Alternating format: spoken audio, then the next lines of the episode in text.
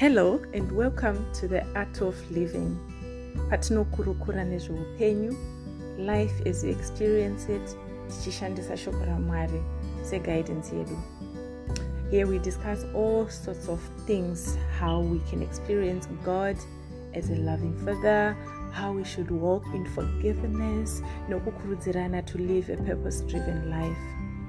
Kazhinji chauri kutsvaga hachisi kure newe, chakavigwa mukati mako iwewe. Be warned, because in our chats we can be very open about our own personal lives. Eh, asi zvikakurudzira even one person. Aiwa mwari ngavakudzwe thank you rudo for that question. So rako handaombokwanisa kutomboresponda um, to this one? So you know you were asking about so how do you know you are still in the plan of god and the will and plan of god even when things are not going the way you think they should be and stuff like that. I know uh, julie and maybe i have already like responded to you but i just thought i would also just add zvinhu eh, takaziva everything like clearly ndosaka maybe pamwe pacho tichakudzwa nyaya dzekuti pane mist you know like nzira yacho dzimwe nguva unosangana nemafloods unosangana nezvimwe zvinhu zvokuti ah, kwauri kunzi enda kwacho kutange kutobva avalanche but uri kunzi ita zvakati. Kana kuti chii and then you know it, it, it's, sometimes it's not all that clear all the time. And ndosaka you know like when the ladies were responding vakati ah, yoga you just do the best you think you are supposed to be doing and um, if things are not going the way that you think they should be going uh, just go back in prayer and whilst waiting just have the faith yekuti the way will become clear clearer. Ndachingoremember hangu scripture ndati ndichatozotarisa i hope iwill remember to look for but i'm sure i once read kuti zveni pane pakanzi zveni hazvisi zvese zvichazarurirwa kwatiri. Like we may not even know the reason why certain things happen or the reason why certain things didn't happen you know?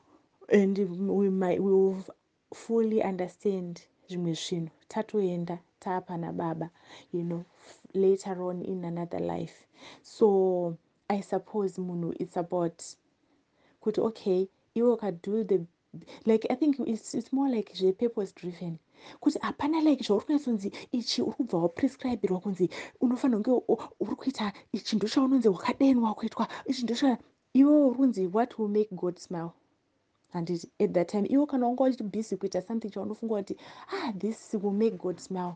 But then it turns out not to, to be successful.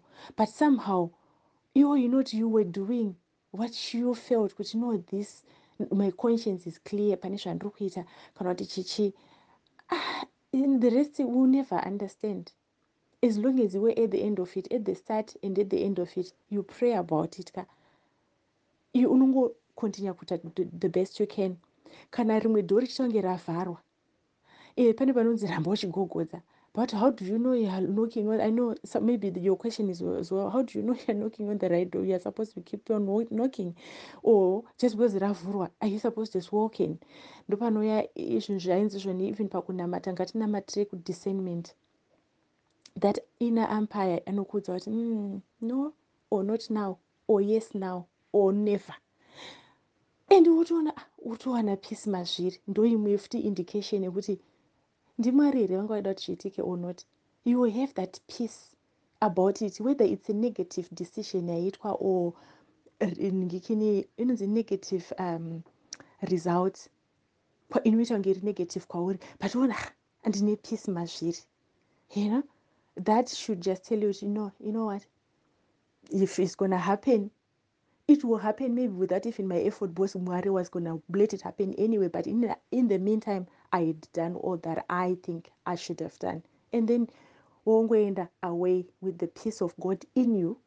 Peace inonzi that surpasses all understanding. You ah, you're not supposed to be happy about it. You're not supposed to be relaxed about it. But somehow i'm fine with it even though it hasn't gone the way i wanted. But somehow i'm finding peace. But then chimwe chinhu kuti no my something in me keeps telling me i should persist. Then keep persisting especially kana uri munhu agara anongogara ari mupresence yamwari heis not you don't feel like he's that far away to consult. Ungoti ah ndozviri kuitika kaizvo baba. I seem not to be sure. Ndotonge ndiri mumhute could you please just make it clearer to me? Meanwhile give me the peace. If it's you handiti kana musiri eh, kana muri imi futi muda kuti ndicontinue ndipersiste. Give me that restlessness that i need to keep persisting. Something like that rudo i hope i haven't confused you even more but hey, hey ho. I also liked julipa wangu achitaura when you were responding to rudo you know when you referred to john the baptist some people will say vamwe vari kuti ko iye zvaaiziva kuti ndiforana. Kana munhu wacho wanga wachiforanira auya why did he then continue down the, you know whether saka could it be maybe anga akungoita zvinhu religiously? Because really aida yakati aiwa vauya ndazovabhabhatidza e ndandatomboramba. But now that vaapo vai vandaiti masandiro avo im not even worth to care vaapo aiwa ndakutota se tese handei handei ai vakangokontinua kutotange ah, ministry yavo yaaimwewo iri kufanira kunge uza pane imwe pikelele yekuti you know we need to also maybe take stock kuti ah, like we need to really keep going back to the drawing board. Kuti kana watanga chimwe chinhu chawapiwa specific instruction handiti keep going back to it kuti uone kuti hausi kustreya here. Because zvainzi pane voice richauya richakuudza kuti chienda kuleft or kuright oramba wari straight. Until another instruction comes iwe oramba wakatitsitsa nenzira yawakapiwa so john saka whether anga akumirira futi imwe instruction but ukatarisa ka it looks like his ministry was well clear kuti zvanzi chi ari ngonoita forun saka paakazoya jesu kaida akatoti ah whether mwari now im retiring thank you im just going ndakunodya pension yangu. Kana kuti aiwa kuita kuti gospel ranga akuparidza hopfully rarari rekuti uya uya wandaitaura repent. Uya uya wandaitaura azouya endai munobaba maybe hopefully he was now preachinga achirefer achinatsova director kuti uya akazouya uya wandakaimbotaura mazuva andakatanga inini akazouya. He could have continued neministry but hopefully anga akutaura futi gospel riri kuenderana netime raku language yake yanga yakuenderana yakureflecta kuti jesus is now here. Like i'm no longer talking about someone who is to come but i'm now talking about the, the one who came sandals i'm not worthy to carry. So we, we have to really I, we thank god for because dzimwe he really like he's so explicit as to what we're supposed to do. And ne-end date racho and let's keep on let's be wary kuti chi tiri kuita zvinhu within maspecifications atiita zvipiwa that's another way inobatsira.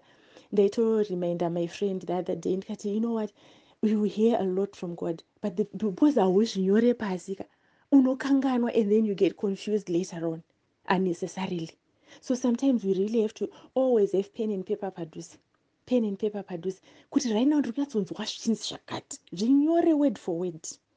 So that paunomboita kaconfusion paipe munhu unodzokera wati ah okay okay apa i'm supposed to say the cause. Kana kuti iwoiwoyo ndaifanira kunge ndakapedza zvinhu zvilast year ko ndichiri kuzviitirei something like that. I was just listening again to becker when you were just talking about how it's important to not to sit under just one anointing for long periods. Kuti hai tinongoenda kuchechi yakati and then youare just feeding off that person. Kana achingo maybe the minister the pastor kana vari vewofe muri kungorwisana navo madhimoni muri kungoita zvehondo ha from start to finish kwawafa you know. Then mumwewo anenge angori andave maybe vanongoita zve zvekungoti no receive this know mainstant kana kuti mamiracles vane wandingatori nezodzo yacho yongoti vano macreative miracles whatever. But then usina vasingapiwe anything else you know pamamutaura nyaya yekuve nebalanced diet kuti it's not healthy to just be under the one uh, maybe ministry and for long periods. No munhu pota chi uchinzwa kuti ah you know paseason ine mwari vari kunyanyondiri kunyanyonzwa ndichidedzwa kuenda kunoteera zvakati. Because its like i think its the same as the body. You know when our body is so intelligent zvokuziva kuti im i'm low on potassium and you start craving maybe mabanana or mapotato or chichichi or im low on iron wakuona even mudzimai ane nhumba akudya ivhu repachuru because thats whats readily available or ari kufarira kudya mabora because ndouripo maybe nguva yefuto yemubora you know the body is so so intelligent it knows kuti im now thirsty. Unongonzwa unoda kunwa mvura danwa drink you know? So pane pekuti even tikateerera tikave attentive. If we are quiet long enough kuti mweya mutsveni vataure nesu. Will find kuti tinongoshongonzwa kuti amazuva ano? I'm feeling drawn towards nyaya dzezvakati.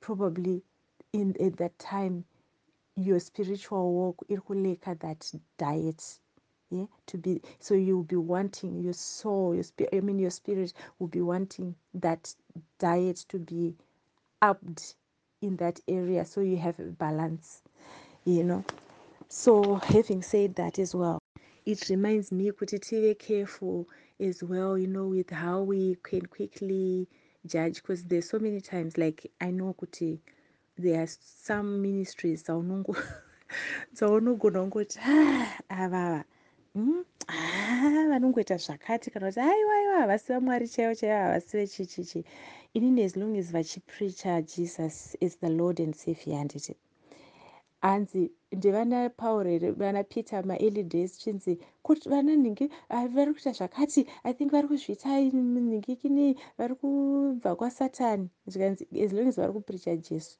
because akingdom haingambozvidivide against itself. Things like that. Iwe unenge wangofunga kuti ah, you know what? Kana vasina kutuka mwari ndichinzwa. Vachidedzera kuti jesu kristu ndiyeshe ndichinzwa ka.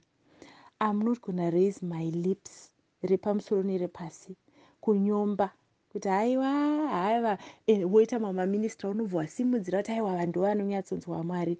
We really have to be careful. We really have to be careful. Um, kuti dzimwe nguva unoso plus dzimwe nguva unotozoona kuti wakupedza energy.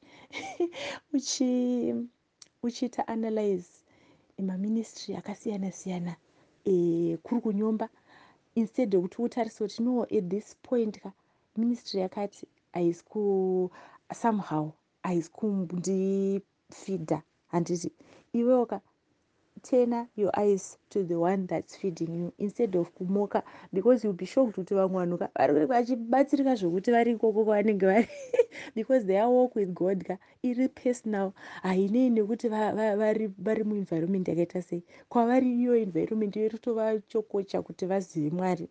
Iwe uchiti hai hazvisi chaizvo. So many times i think tese we, we, we get carried away and we totanga kumhura masangano atine ichifunga kuti ha hakuna hakuna aiwa aiwa hakuna. I think munhu kana usingori interested mazviri zvinhu izvozvo ka its your personal choice.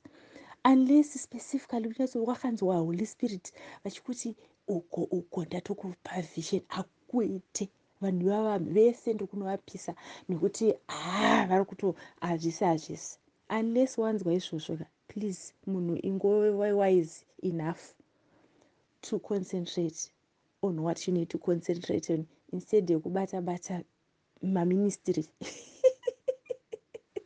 Yeah, because pamwe panodyiwa nevamwe its like uri kushora madhishi ari kudyiwa pari kutofidwa vamwe vanhu vachitorarama ufunge mhuri dzimwe dzichitorarama vari kutosustainwa vari kutolidwa to christ through those, those men and women.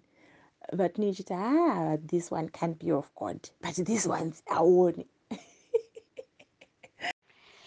um ndandichida kutaura panyaya yemaministries akasiyana siyana anenge asiri kuzvishumira kwatiri. You know you are so right lily to say kuti chinenge your spirit not craving um, ndezvevari ikoko. We mustn't judge. And umwe munhu akati hanzi why judge now when still the judgment day is going to come? Saka siya zvakadaro. Muridzi wazvo anoziva zvaari kuita. But kune imwe point yandakazoonawo mukufamba about maministries ndaidzidza hangu afew days ago nyaya iyoyo yekuti pane pamwe paunonyatsoona kuti izvi hazvisi and hazvisi and its not biblical. Because dzimwe nguva ungoti aiwa siya like what can i say? Vane vanoitirwa nazvo. But pane pamwe paunonyatsoona kutoti chiri kuitika panapa hakuna anoitirwa nacho because its not biblical. Hazvitombori izvo. You know like um, ndakaita situation ye uh, some of you know kuti we've got the ministry fam foundation. So kuchinhoi uh, kune the young adults part. Uh, like saka tiri kuchinhoi the way we used to do it was um, vanhu vaingouya kubva kumachechi akasiyana siyana. So but when we came to harare zvakati siyanei like would relate napastor kana youth leader first otipa mayouth ake. Ouya tichisangana saka there's been another church yekuti yange ichiuya. Ha mayouth akawanda. You know i'm talking of 30 35 40 young people coming from one church vachiuya kumameetings edu. Zvokuti taizenge takawanda but vainyanyowanza ndo vechechi iyoyeyo kune mayouth hobo but then the pastor akaita wayward. Wayward yewayward isingambori biblical. And then like when i heard nyaya yacho pekutanga kwozi munhu achona akataura naiyewo aive wayward. Ndakabva ndatora nyaya mandakanda kure ndikati handisina nyaya dzondikanganisa mandatoisiya but it then came to me uh, kuti ah saka utongosiya vana vesava vauri kuona kuti they are really mujoya enemy. You have come to know this ningi. These young people you have worked with them and vamwe vanga vachitotaura navo uchibatsira navo but nekuda kweo zvawanzwa wabva wakandawo kuzvese nevana vacho ah vandaona kukanganisa kwangu and i started to pray uh, for those young people but pana mufundisi andopanda ndichinetseka and then i learned kuti no as an intercessor ka your prayers are not to judge. Your prayers are to intercede and stand in the gap and ask for mercy. Just like ningi uh, moses mwari pavakati ndiri kuzoparadza akamira akati aiwa aiwa aiwa. Baba uhauziwo unhu hwenyu. Imi hamudaro imi miregererai you know? Because as um, intercessors ka when god shows us zvakaipa havasi kuda kuti tijaje kana kukanda uko. Uh -uh. he wants us to intercede stand in the gap and pray and ask for mercy for vanhu ivavo saka hey it was so new and kind of like new wine to me yakandisturba bcause mufundisi akandibhowa ndikarwadziwa sterek kuti how can you know?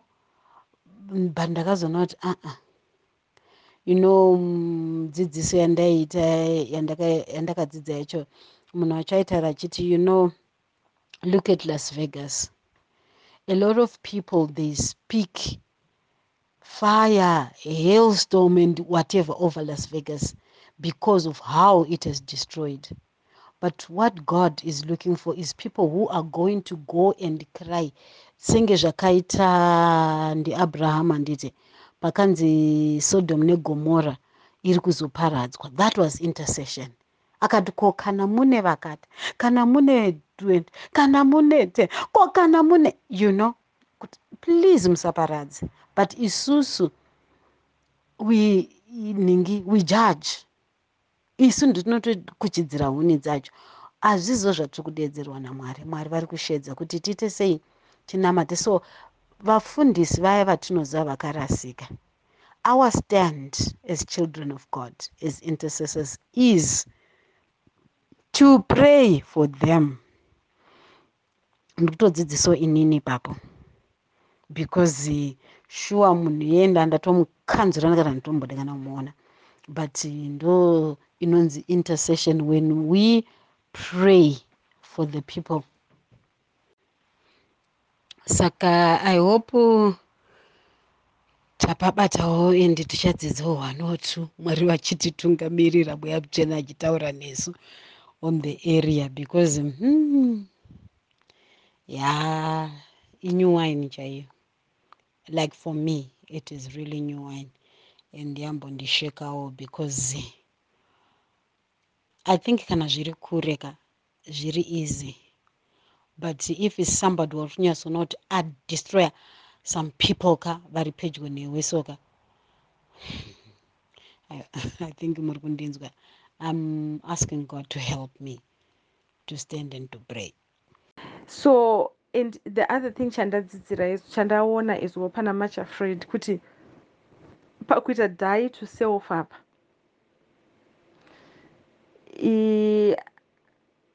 it's just one of those loneliest lon haizvina kana rubatsiro rwaunowana companion even nasoro nasafaringa vanga varizi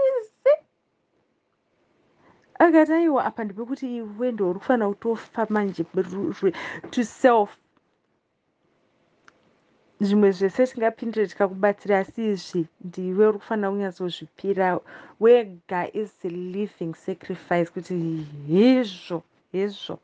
Indopaonaona kuti human love ine nharo hmm. because ka ngataure chokwadi human love ka ndopa ndoyatinotanga kudzidza tichiri mababies.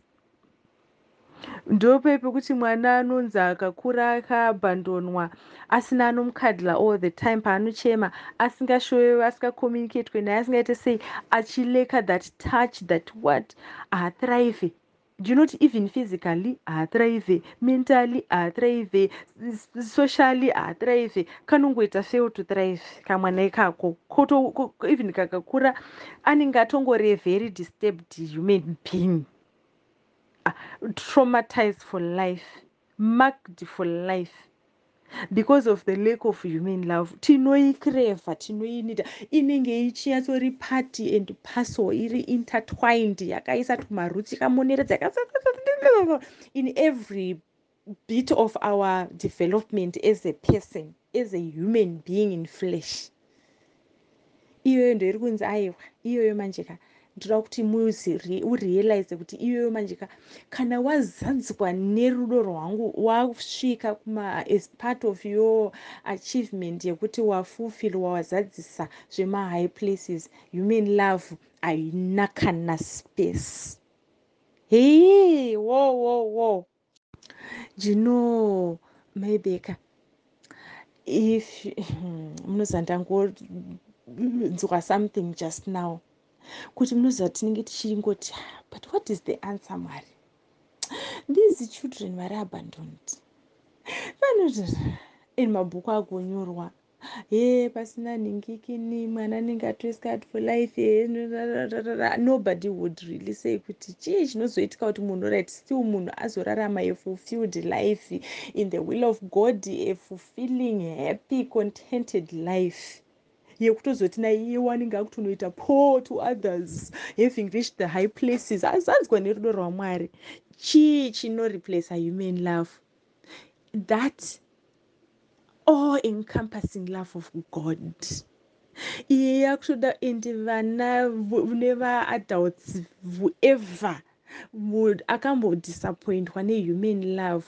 Apa ndopatiri kutoratidzwa kutoti no mufunge is not even the, the, the, enzichi the bean and all of chinyi chinyi you know because even iroka vanotonzi aiwa muri muguva toratoviga toratopisa human love ibve tireplace nerudo chairo chairo chairo.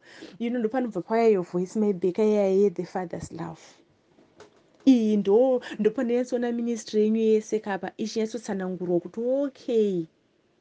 The main thing i'm sure yes we, we talked about this hedu isusu ndonyaya yedu ka isusu. But i'm sure we talked about it the other weeks gone. Kuti ehe it's just it can only be god. But mukunyatsotarisa kuti apa how it's really really coming?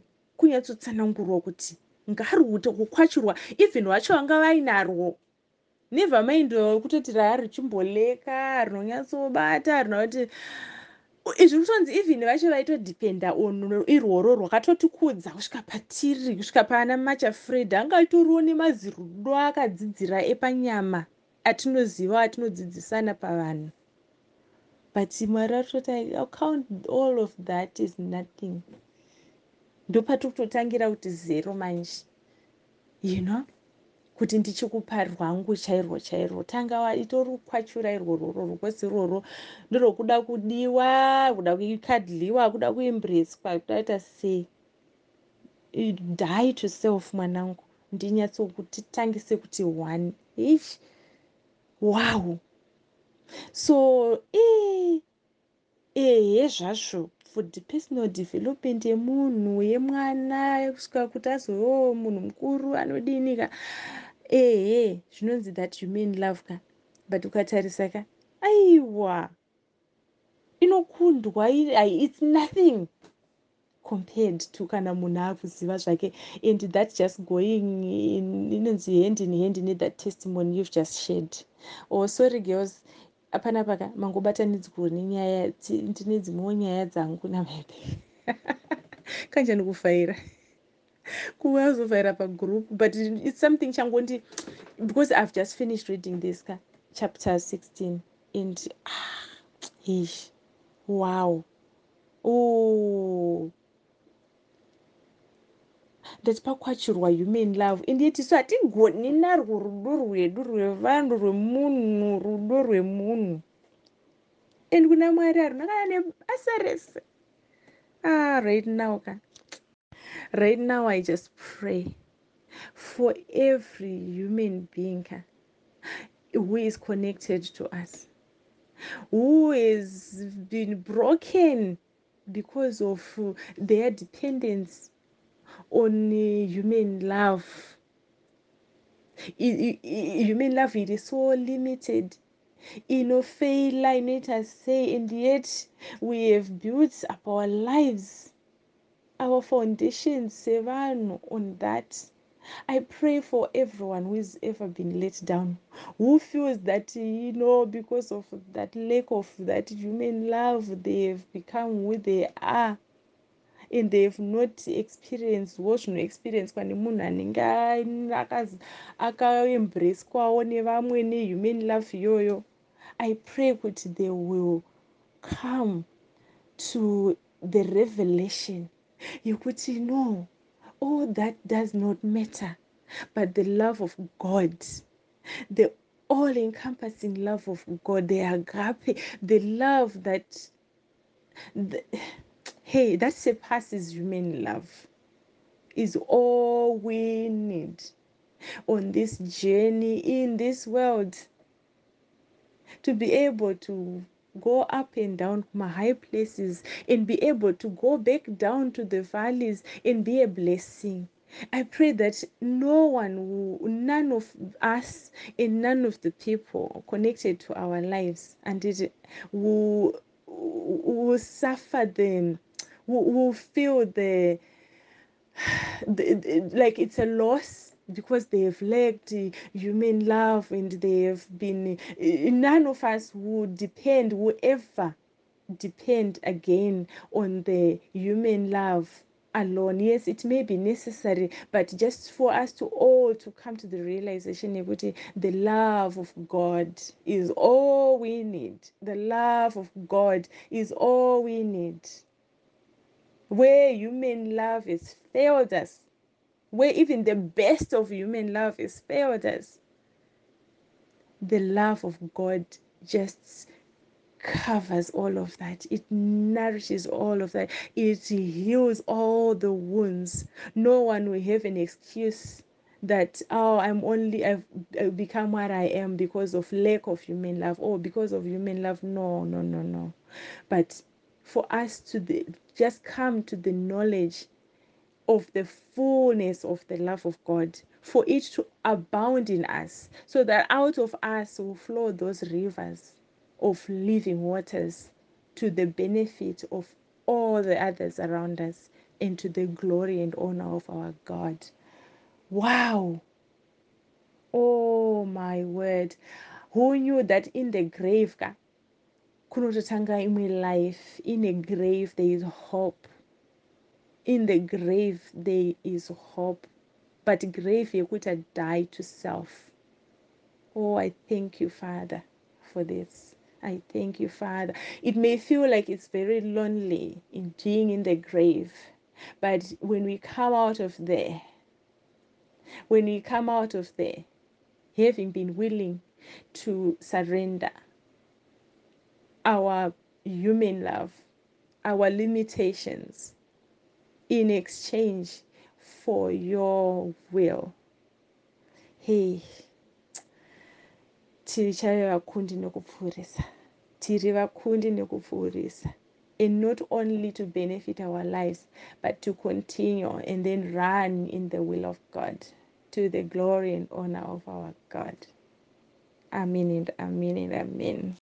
Yeah, talk of the love of God, the love of the Father. Isn't our God a fair God? A fair God. Hapana achamira akati Mwari, I was rejected, I was abandoned, you know, I was despised. Hakuna.